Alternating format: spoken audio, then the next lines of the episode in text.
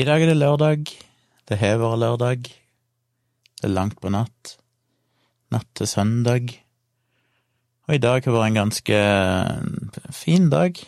Jeg eh, sov lenge, og når jeg ble vekt med en kopp kaffe, så ble jeg liggende i senga ganske lenge og bare lå og visste at det var ingenting som venta, ikke noe jobb, jeg måtte opp og Elsker denne leiligheten, elsker den senga.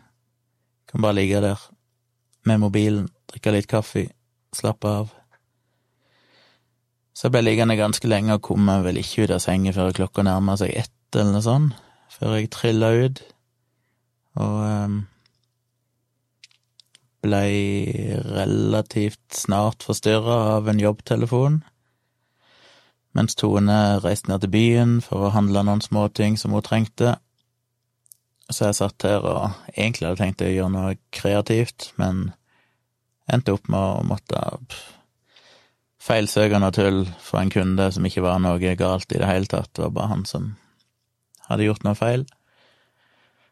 Så det var bortkasta tid. Det var litt irriterende, for teknisk sett så gir vi ikke support i helgene med mindre det er kritiske feil.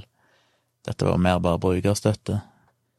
Jeg burde egentlig ikke tatt telefonen, men uh, jeg gjorde nå det. Så det gikk jo litt tid på det. Og så skulle jeg jo ta bilde av uh, min uh, eks-samboer, ekskjæreste, og hun kom her i femtida, og da reiste Tone like etterpå, for hun skulle ut en tur, og så eh, rigga meg til her, og vi tok en del bilder. Jeg gleder meg egentlig til å dele de når jeg er ferdig med å redigere. Jeg har bare redigert ett foreløpig, bare for å eksperimentere litt, og det blir ganske kult. Eh, så jeg håper jo hun liker de, og tillater at, eh, at jeg kan dele noen av de. Så det blir bra. Og etter vi var ferdig med å ta bilder, så satt vi bare og prata litt. Altså tok hun tog, tog, tog hjem igjen på kvelden.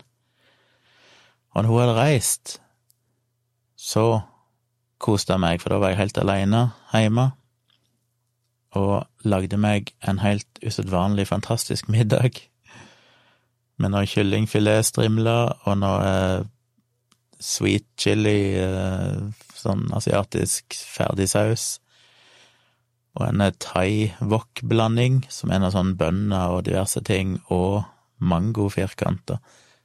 Sånn frossen. Ufattelig god. Tok en halv pakke med det. Hadde oppi den fantastiske sausen. Oppi med kyllingbeder, krydra, og kokte ris. Og heiv risen over i en tallerken og dekka det med denne her eh, blandingen av kylling og grønnsaker og sweet chili-saus. Og det ble rett og slett helt fantastisk godt. Det var en rein nydelse å sitte og spise. Og det var deilig å bare være helt aleine og kunne se en sånn halvannen times fotovideo på YouTube som eh, Ja, uten noe stress. Eneste var jo Kyla, da. Hun var jo ganske oppmerksomhetssjuk, så det ble jo mange triks jeg måtte bruke for å drive og leke med henne med ei hånd mens jeg drev og prøvde å konsentrere meg om det som skjedde på TV-en. Men hun har blitt så flink. Hun er så god når hun henter et leketøy, og så bare lar jeg armen min henge ned ut forbi stolen, og så kommer hun og plasserer leketøyet i hånda mi. Og så er det bare å ta tak i den og drive og dra litt i den og sånn, mens hun er superengasjert. Og så kaster han av og til, så hun må springe over stua og hente han og komme tilbake igjen, så plasserer hun han i hånda mi. Og så bare går det av seg sjøl. Så hun er ganske lett å underholde, men hun kan være litt masete av og til når hun, når hun blir rastløs og trenger underholdning. Tone var nede i byen tidligere i dag og kjøpte blant annet et nytt bur til henne, som fikk litt mer plass, og ligger og sover. Så det blir bra. Han har nye leger til henne. Så jeg koste meg. Satt og så på litt YouTube og sånn.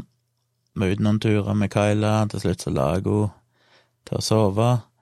Det var jo veldig flink til. Er som er veloppdratt baby. Hvis hun oppdrar babyer. Ehm, det er bare å legge henne inn i buret, og så legger hun seg til å sove. Og så uh, så jeg litt mer på YouTube. Så jeg gikk inn her på kontoret mitt og redigerte bitte grann, kikka gjennom de bildene jeg hadde tatt i dag. og redigerte som sagt ett av de for å bare eksperimentere litt. Det tror jeg ble kult. Og så, etter det, så oppdaterte jeg litt på fotosida mi, og følte den ble mye bedre nå. Jeg endra forsida, sånn at den du kommer mer umiddelbart og får sett liksom et utvalg av det jeg syns er mine beste bilder. Og så hadde jeg tidligere en undermeny, eller en menypunkt, som heter bryllup, med linket til to bryllup som jeg har vært i og tatt bilder. Og der hadde han en sånn gallerifunksjon der han viste de bildene, men jeg følte egentlig det var litt unødvendig, for jeg har allerede de bryllupsbildene i de der klientgalleriene som ser mye, mye finere ut. Så jeg endra litt på det, så når du går inn på de bryllupsgreiene så får du bare opp en preview av noen få bilder, og så har jeg skrevet bitte grann tekst om hva som hva oppdraget mitt var den dagen. Og så kan du klikke på en knapp for å heller åpne det eksisterende galleriet, som ser mye bedre ut. Så alt i alt er jeg veldig fornøyd. Nå skal jeg bare få redigert de bildene av eksen min, eh, og hvis jeg kan bruke noen av de offentlig, så vil jeg putte de òg inn i galleriet. Et par, tre, én, to eller tre av de, hvis de blir bra. Før jeg markedsfører den fotosida på nytt, for da har jeg lyst til å dele den på nytt, for nå føler jeg det kom så mye nye bilder der at eh, ja, det er gøy å få delt det, selv om ingen bryr seg. Så håper jeg at eh, noen gidder å kikke på det. Så det er egentlig det jeg har gjort i dag. Um, hva som har skjedd ellers i verden? Det er jo denne Trump, Trumperen, som har um, klart å pådra seg covid-19 som vel ikke overrasker en eneste person i hele verden. Det måtte jo rent statistisk sett skje før eller seinere. Hva skal en mene om det? Jeg eh, syns det er vanskelig, for det finnes jo ingen god utvei av det, føler jeg. Eh, mest sannsynlig så går det greit med han. Jeg vet jo når du er oppe i den alderen der, når du passerer 80, så er det vel så mye som det er vel dødeligheten helt oppe i Hva er fem, er helt oppe i 25 eller 15 Et eller annet sånt. Da begynner jo ting å bli litt skummelt. Eh, under det så er jo dødeligheten en del lavere, men han er jo fortsatt ikke, Jeg husker ikke tallene nå, men er en, det er jo en viss sjanse, en sånn 20-dels sjanse eller sånn, for at du kreperer det når du kommer opp i den alderen til Trump. Samtidig så får han jo verdens beste helsehjelp, sannsynligvis. Han burde iallfall fått det, bortsett fra at eh, tydeligvis er det vært noen som har klart å overbevise legene om å gi han en utesta, eller ikke godkjent medisin, som er ufattelig idiotisk på så mange måter. Um, den er jo ikke godkjent, som det betyr, i praksis betyr det at det finnes ennå ikke gode nok studier som viser at den faktisk virker. Eh, og er trygg. Det kan være det finnes noen foreløpige studier, men de kan en jo sjelden stole på, for der vil det alltid være, være feil og mangler ved sånne studier, siden ikke det er godt nok utprøvd. Men det er jo typisk Trump. Han eh, har jo en idé om at han ja, vet best og tror alltid på disse enkle løsningene. At det bare finnes en eller annen medisin som bare Det er ikke noe problem, for det USA har en eller annen medisin. Så vi får se hva det er, om det hjelper. Problemet med en sånn medisin er flere. Det ene er jo det at hvis han blir dårligere, så vet du ikke om det var medisin som gjorde det, eller om han ville blitt dårligere uansett. Og dermed har du ingen mulighet, ut ifra det tilfellet Trump, å finne ut om den medisinen faktisk er effektiv eller ikke. Ikke at ett tilfelle uansett er godt nok, men det kunne iallfall vært supplerende data. Men når du bare gir han den medisinen helt ukontrollert på den måten, så kan jo alt skje. Blir han bedre, ja, så vet du fortsatt ikke om det var medisin som hjalp. Blir han dårligere, så vet du ikke om det var medisin som ga han bivirkninger. Så det er bare helt eh, totalt uvitenskapelig og et tilbakesteg for vitenskapen på dette feltet som er så viktig, det å prøve å finne god behandling for covid-19. Det andre problemet er jo at når han går ut og, og sier at han bruker denne medisinen, så skaper jo det en slags presedens. Da tenker jo sikkert mange at dette er en medisin de òg vil ha. Hvorfor får ikke alle en medisin når de får covid-19? Eh, og vil kanskje synes det er urettferdig, og kanskje prøve å få tak på den medisinen. Jeg vet ikke hvor tilgjengelig den er. Jeg vil anta det er noe helt nytt, så det er kan, kanskje ikke tilgjengelig i det hele tatt. I motsetning til denne her klor Hva det het igjen?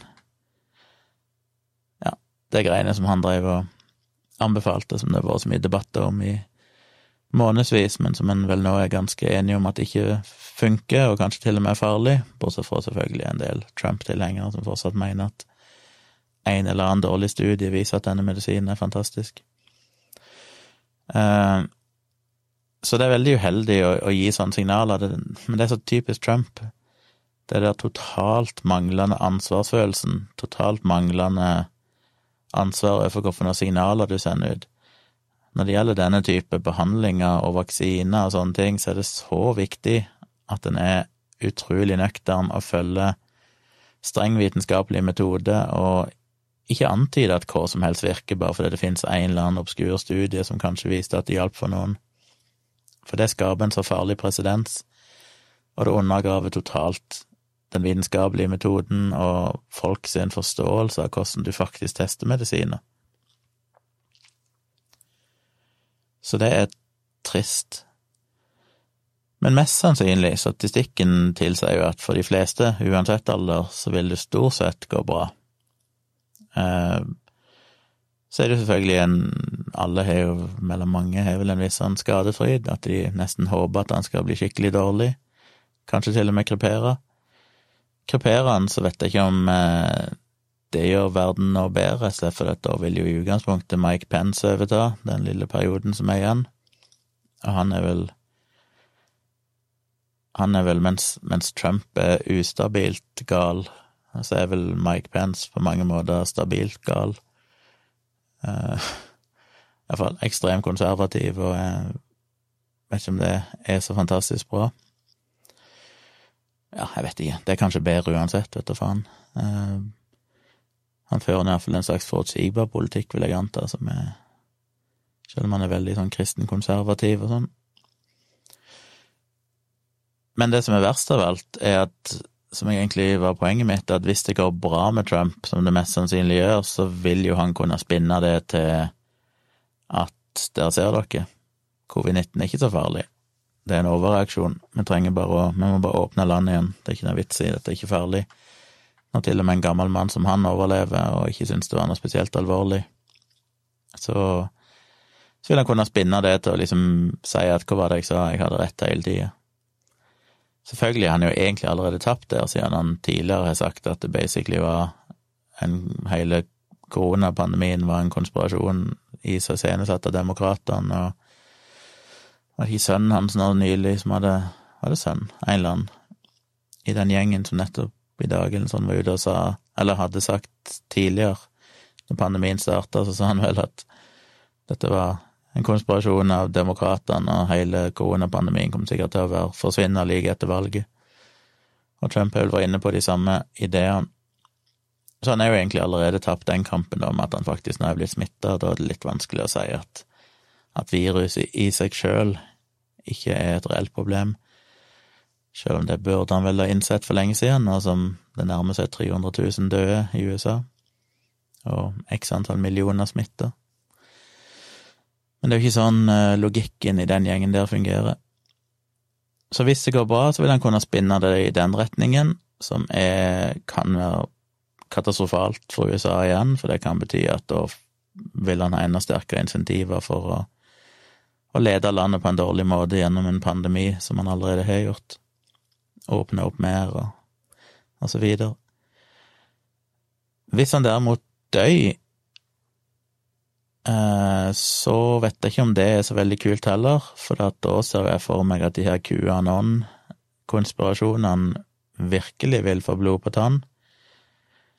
De har jo allerede spunnet på dette lenge, og det er jo mange i Norge òg. Mange og mange, men det er jo iallfall Det er ikke helt sånn eh, helt obskurt i Norge heller lenger, når en følger med på diverse Facebook-grupper sånn.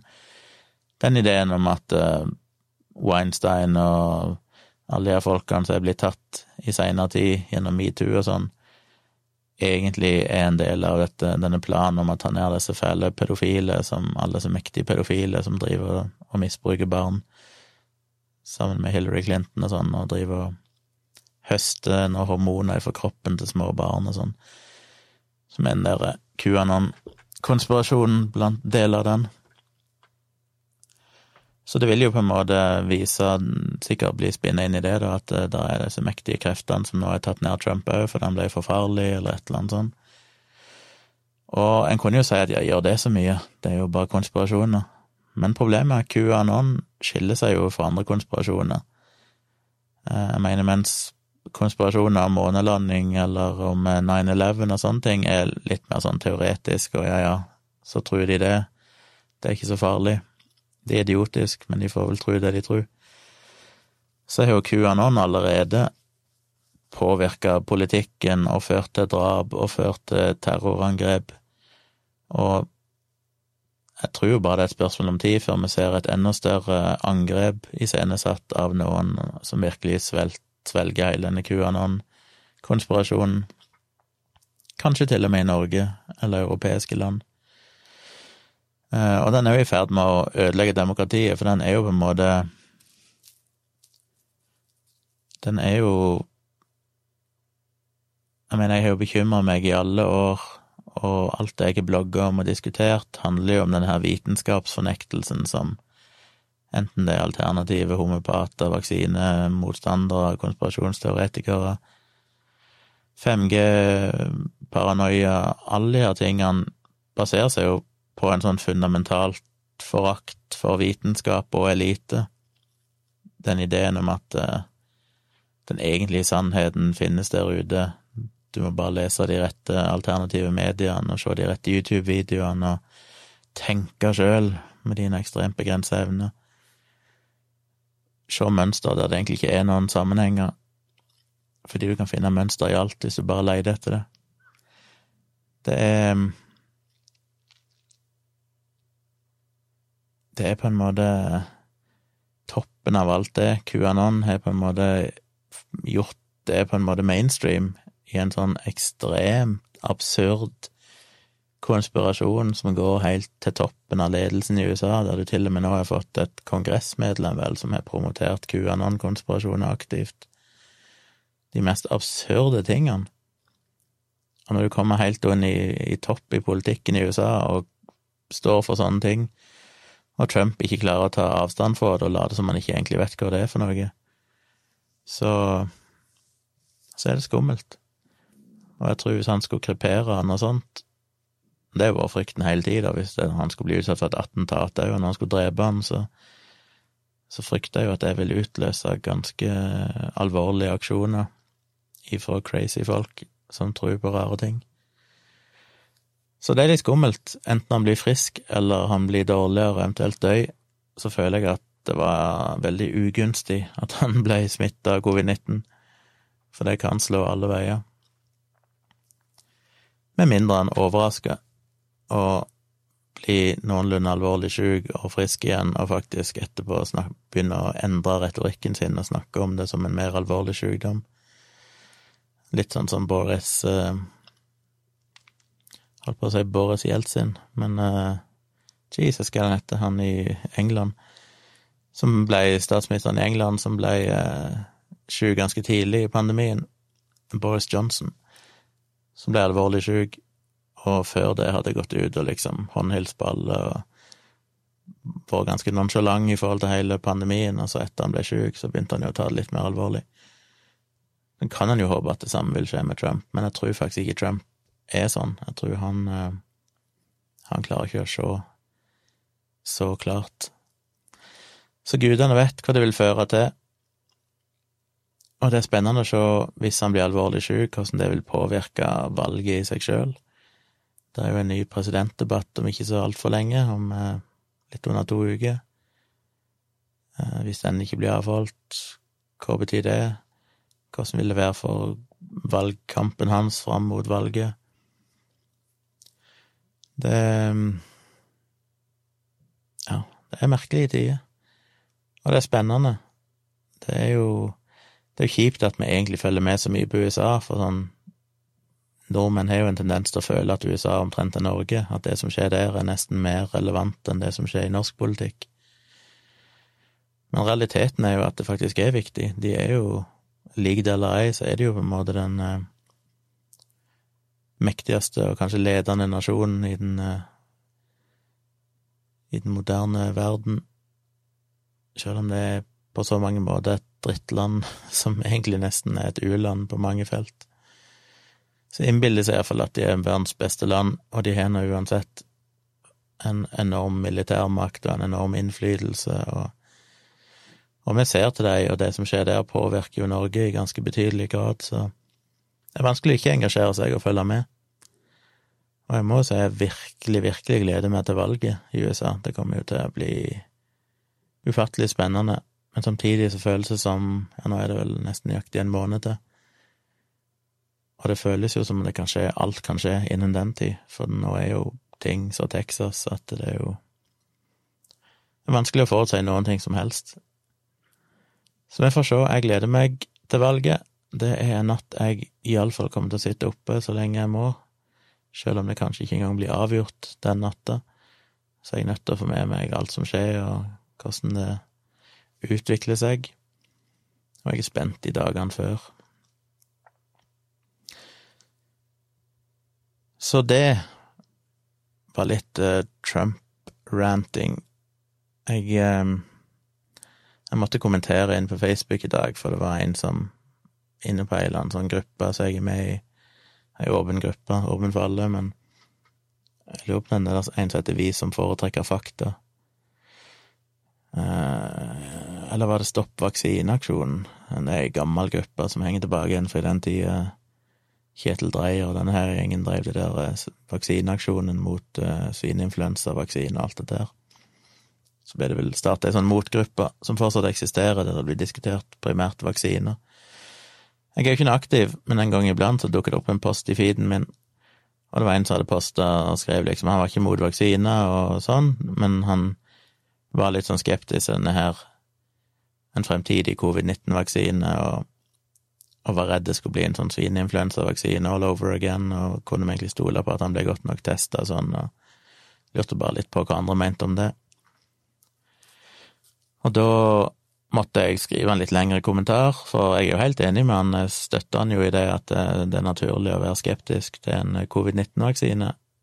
Eh, en må jo måle det opp mot den risikoen en faktisk er, ut ifra sin egen alder og helsesituasjon, og hvor en bor hen. Men samtidig så må man ha såpass tillit at hvis en sånn vaksine blir godkjent i Norge, så han jo, så vil det jo per definisjon, så må han ha gjennomgått de nødvendige fase tre-studiene, som betyr at han har blitt testa på en større mengde mennesker eh, etter gjennomgått fase én og fase to, som avgjør primært om man i det hele tatt er farlig, og hvor stor dose du trenger, og alt mulig sånn. Så kommer du til fase tre, som har som hovedmål å egentlig teste effekt, etter det er avgjort at han allerede er i utgangspunktet trygg, og iallfall i mindre grupper. Og det krever jo ganske strenge krav for det. Og så måtte jeg jo ha en liten rant, for det er vel få som har satt seg så inn i den svineinfluensagreia som jeg gjorde. Jeg mener, jeg skrev jo mange, mange lange bloggposter og leste mye rapporter av forskning eh, i den tid det var relevant, og husker jo en del av det ennå. Og det er jo jeg, kommer, jeg klarer aldri helt å akseptere den ideen om at det var på en måte en katastrofe med den svineinfluensavaksinen, for ja, det var jævlig trist at nå over 100 mennesker endte opp med å få narkolepsi med katapleksi. Narkolepsi er denne søvnsykdommen, og katapleksi er jo at du kan plutselig miste muskelkraften i knærne og sånn, og bare sige sammen og, og, litt sånne ting. Som ofte Jeg kan ikke helt detaljene i det, men det henger vel ofte sammen med narkolepsi. Og problemet er jo bare det at hvis vi ikke hadde vaksinert i 2009 mot svineinfluensapandemien, så estimerer en jo at jeg tror det er 42 flere mennesker ville dødd i Norge enn det som skjedde fordi vi vaksinerte ca. halvparten av befolkningen. Og det er akkurat det, da. Hvordan måler du det? Hvordan måler du opp 100 pluss narkolepsisyke mot 40 pluss ekstra dødsfall? Hadde det vært bedre at vi ikke vaksinerte, som hadde sluppet at noen fikk narkolepsi, men til gjengjeld ville over 40 personer flere dødd pluss vi ville fått overbelasta intensivavdelinger i mange områder, som ville ført til mye lidelse og gått utover andre pasienter, og ført til enda større økonomiske kostnader for samfunnet. Så det er mye å veie opp mot hverandre. Og så er det viktig å huske med svineinfluensaen, for det er så lett å tenke at jeg har 40 ekstra, det dør jo så mange Det dør jo ja, hva er det, 90 til 100 eller sånn sesonginfluensa hvert år i Norge, eh, som er liksom bekrefta influensadødsfall. Så hører en jo ofte tallet at det er sånn 900, 900 til 1000 som dør hvert år, og det er sant, men det er på en måte overdødelighet. Så det er bare hvor mange ekstra som dør i løpet av et år, det, eller i løpet av den perioden det er influensasesong. Men det er jo ikke folk som er bekrefta influensadødsfall, altså det Men det blir jo regna som influensadødsfall, for de hadde sannsynligvis ikke dødd hadde de ikke fått den tilleggsbyrden av influensa. Men det er viktig å skille mellom de to tingene, den her generelle overdødeligheten og de mer spesifikke dødsfallene knytta til influensa, som er ca. bare 10 av det. Og det samme vil jo gjelde når du sammenligner med covid-19, for her snakker vi jo da om Ofte en må være veldig obs på om tallene er liksom bekrefta covid-19-dødsfall, eller om det mer er overdødelighet i en befolkning over en viss periode, som en da kan anta kanskje har med covid-19 å gjøre, siden det er relevant for tida. Eh, så det er jo ikke bare folk eh, under svineinfluensapandemien, så var jo median alder for død, død veldig, veldig låg. Den var 50 år cirka lavere enn den er med sesonginfluensa. Med sesonginfluensa så er jo nesten alle som dør, over 80 år, mens med svineinfluensa så var medianalderen 35 år som er ganske dramatisk. Så det betyr at hvis det hadde dødd 40 pluss flere mennesker, så ville ikke det vært bare 40 pluss 80-åringer og eldre. Det ville vært ungdommer, unge voksne. Svineinfluensa tok jo livet av tenåringer og 20- og 30-åringer like mye som det tok livet av eldre folk. Så det er viktig å huske på. Så ville vi vært villige til å ofre de dødsfallene av unge mennesker for å unngå de narkolepsitilfellene, og narkolepsi er jo ikke verdens undergang, ja, selvfølgelig er det jævlig kjipt å få den sykdommen, men det finnes medisiner, og du får den i varierende grad, og jeg tror vel de aller fleste av de som har fått narkolepsi, er glad hvis de kunne valgt mellom det eller å krepere, så hadde de valgt narkolepsi, som en jo kan bruke som et slags kriterium på at eh, kanskje det ikke nødvendigvis hadde vært bedre å ikke vaksinert, og dermed fått 40 pluss ekstra dødsfall. Så jeg blir litt irritert på den diskusjonen, for det blir det der klassiske falske nullpunktet, det at ja, hvis ikke vi hadde vaksinert noen, så hadde vi jo sluppet alle disse narkolepsitilfellene. Men da glemmer de å se på andre sider av ligninga og se ja, men hva hadde det kosta dere? Det hadde kosta dere over 40 ekstra dødsfall, overfylte intensivavdelinger med lidelse og kanskje da indirekte dødsfall fra andre pasienter som ikke ville fått den hjelpen de trenger. Litt som med covid-19 og med ventilatorer, sånn, at en var redd for, for at det skulle bli overbelasta. Og det da går utover pasienter som har for eksempel ALS og sånn, som da ikke får pustemaskiner, og må dø tidligere enn det de ellers ville måtte gjort. Så jeg måtte skrive en liten rant om det, for jeg, nå er det jo ti år siden, over ti år siden, og fortsatt man jo minner folk på det, at det var jo ikke sånn at ikke det var jo ikke sånn at svineinfluensa var en uh, veldig ufarlig og mild influensa. Den uh, Totalt sett tok han vel livet omtrent like mange liv som en vanlig sesonginfluensa. Men så glemmer en det, da, at medianalderen var så mye lavere. Så målt i tapte leveår, så var han jo mye mer alvorlig enn en vanlig sesonginfluensa. Fordi det var så mange unge folk som døde av det. Så det er et vanskelig regnestykke å gjøre, og derfor vil jeg ikke si at uh, den der ideen om at hvis vi får en covid-19-vaksine for tidlig, så må vi ikke risikere en ny svineinfluensavaksinekrise. Og den der ideen om at svineinfluensavaksinen var ikke godt nok testa, fordi at han var såpass godt testa som det var mulig å teste han. Han var testa på ganske mange tusen mennesker. Men skulle du ha avdekka den sjeldne bivirkningen som narkolepsi faktisk var, den var jo uhyre sjelden, det var jo nå over 100 mennesker som har fått det av litt over ja, godt over to millioner vaksinerte nordmenn. Det er et lite tall. Og du skal teste veldig mange, da, før du klarer å se at narkolepsi er en bivirkning. I tillegg hadde det ikke hjulpet om du hadde testa den vaksinen i Tyskland eller i USA, fordi mye tyder på at det var nordisk genetikk som spilte inn òg, at et eller annet genetisk hos oss i Norge og Sverige gjorde at vi hadde større sjanse for å få den narkolepsibivirkningen. Um, fordi den samme vaksinen ble brukt andre plasser uten at de så samme overhyppighet av narkolepsi. Så må en huske òg at det var jo strengt tatt viruset som ga narkolepsi, ikke vaksinen, men adjuvansen i vaksinen forsterka risikoen. Så det er ikke sånn at alle som fikk narkolepsi, ville vært uten narkolepsi hvis ikke de hadde latt seg vaksinere.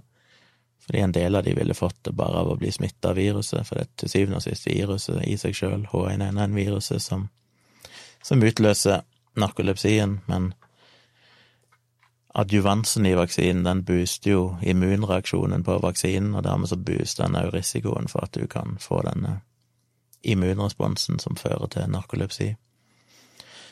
Så det er komplekst, men jeg måtte ha en liten rant om det, og det er viktig å huske på, og hvis noen av dere vil lese mer om det, så er det egentlig bare å gå inn i bloggen min og søke på svineinfluensa, så jeg har jo flere bloggposter der jeg går gjennom alle disse mytene om ja, alle mytene som var i den tida, om hvor lite farlig han var, og at norske myndigheter gjorde feil med å vaksinere, og alle konspirasjonsteoriene rundt vaksinen, og disse mytene om at i Polen vaksinerte de jo nesten ingen, eller ingen, og der var det veldig få som døde.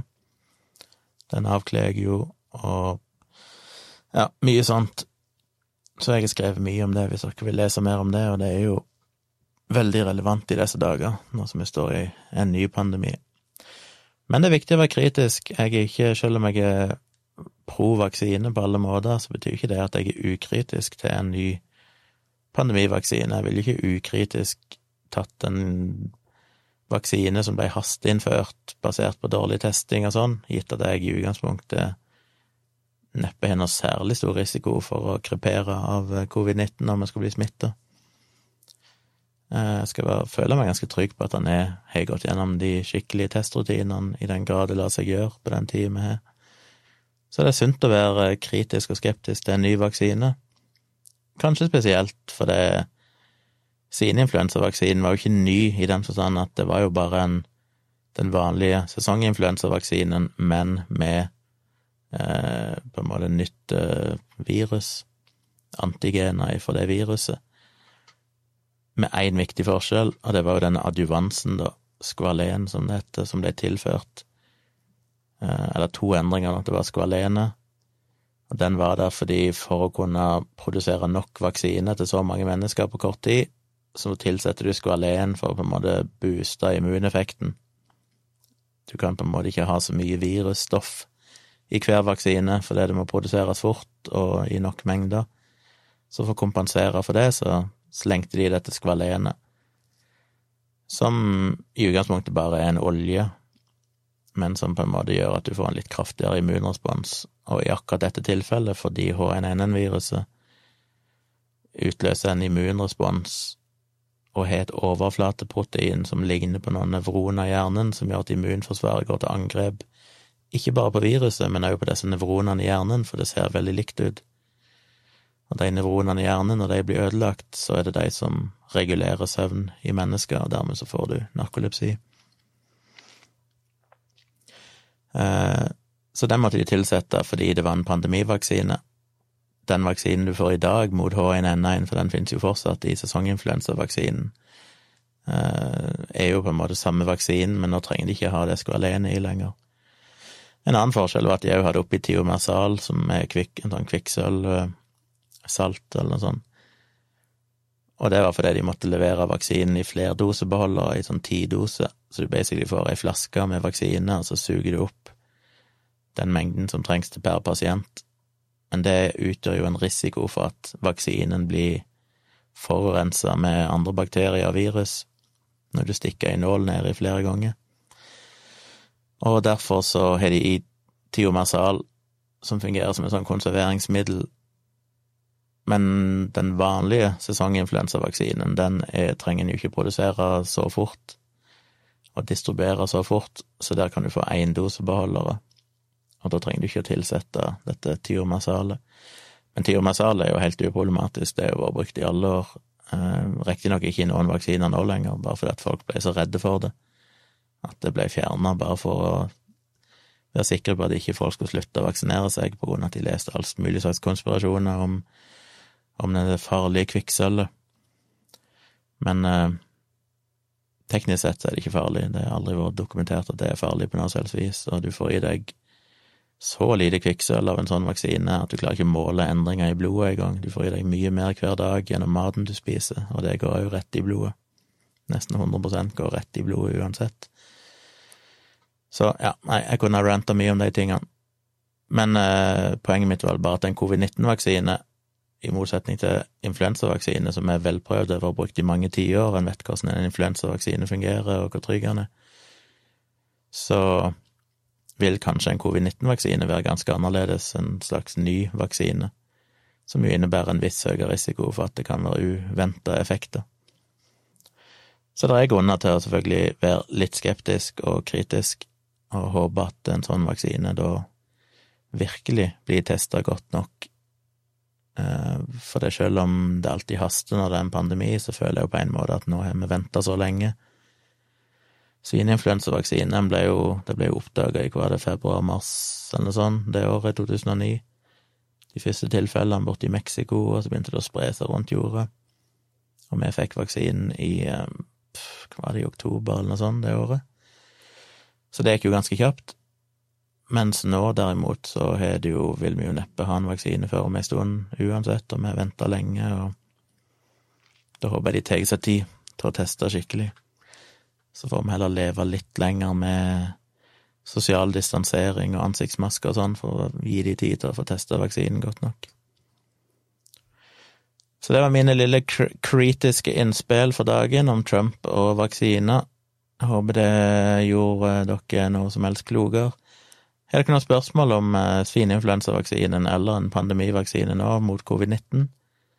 Fyr løs i meldinger eller kommentarfelt så skal jeg svare så godt jeg kan, og hvis jeg ikke kan svare, så skal jeg researche og finne svaret for dere.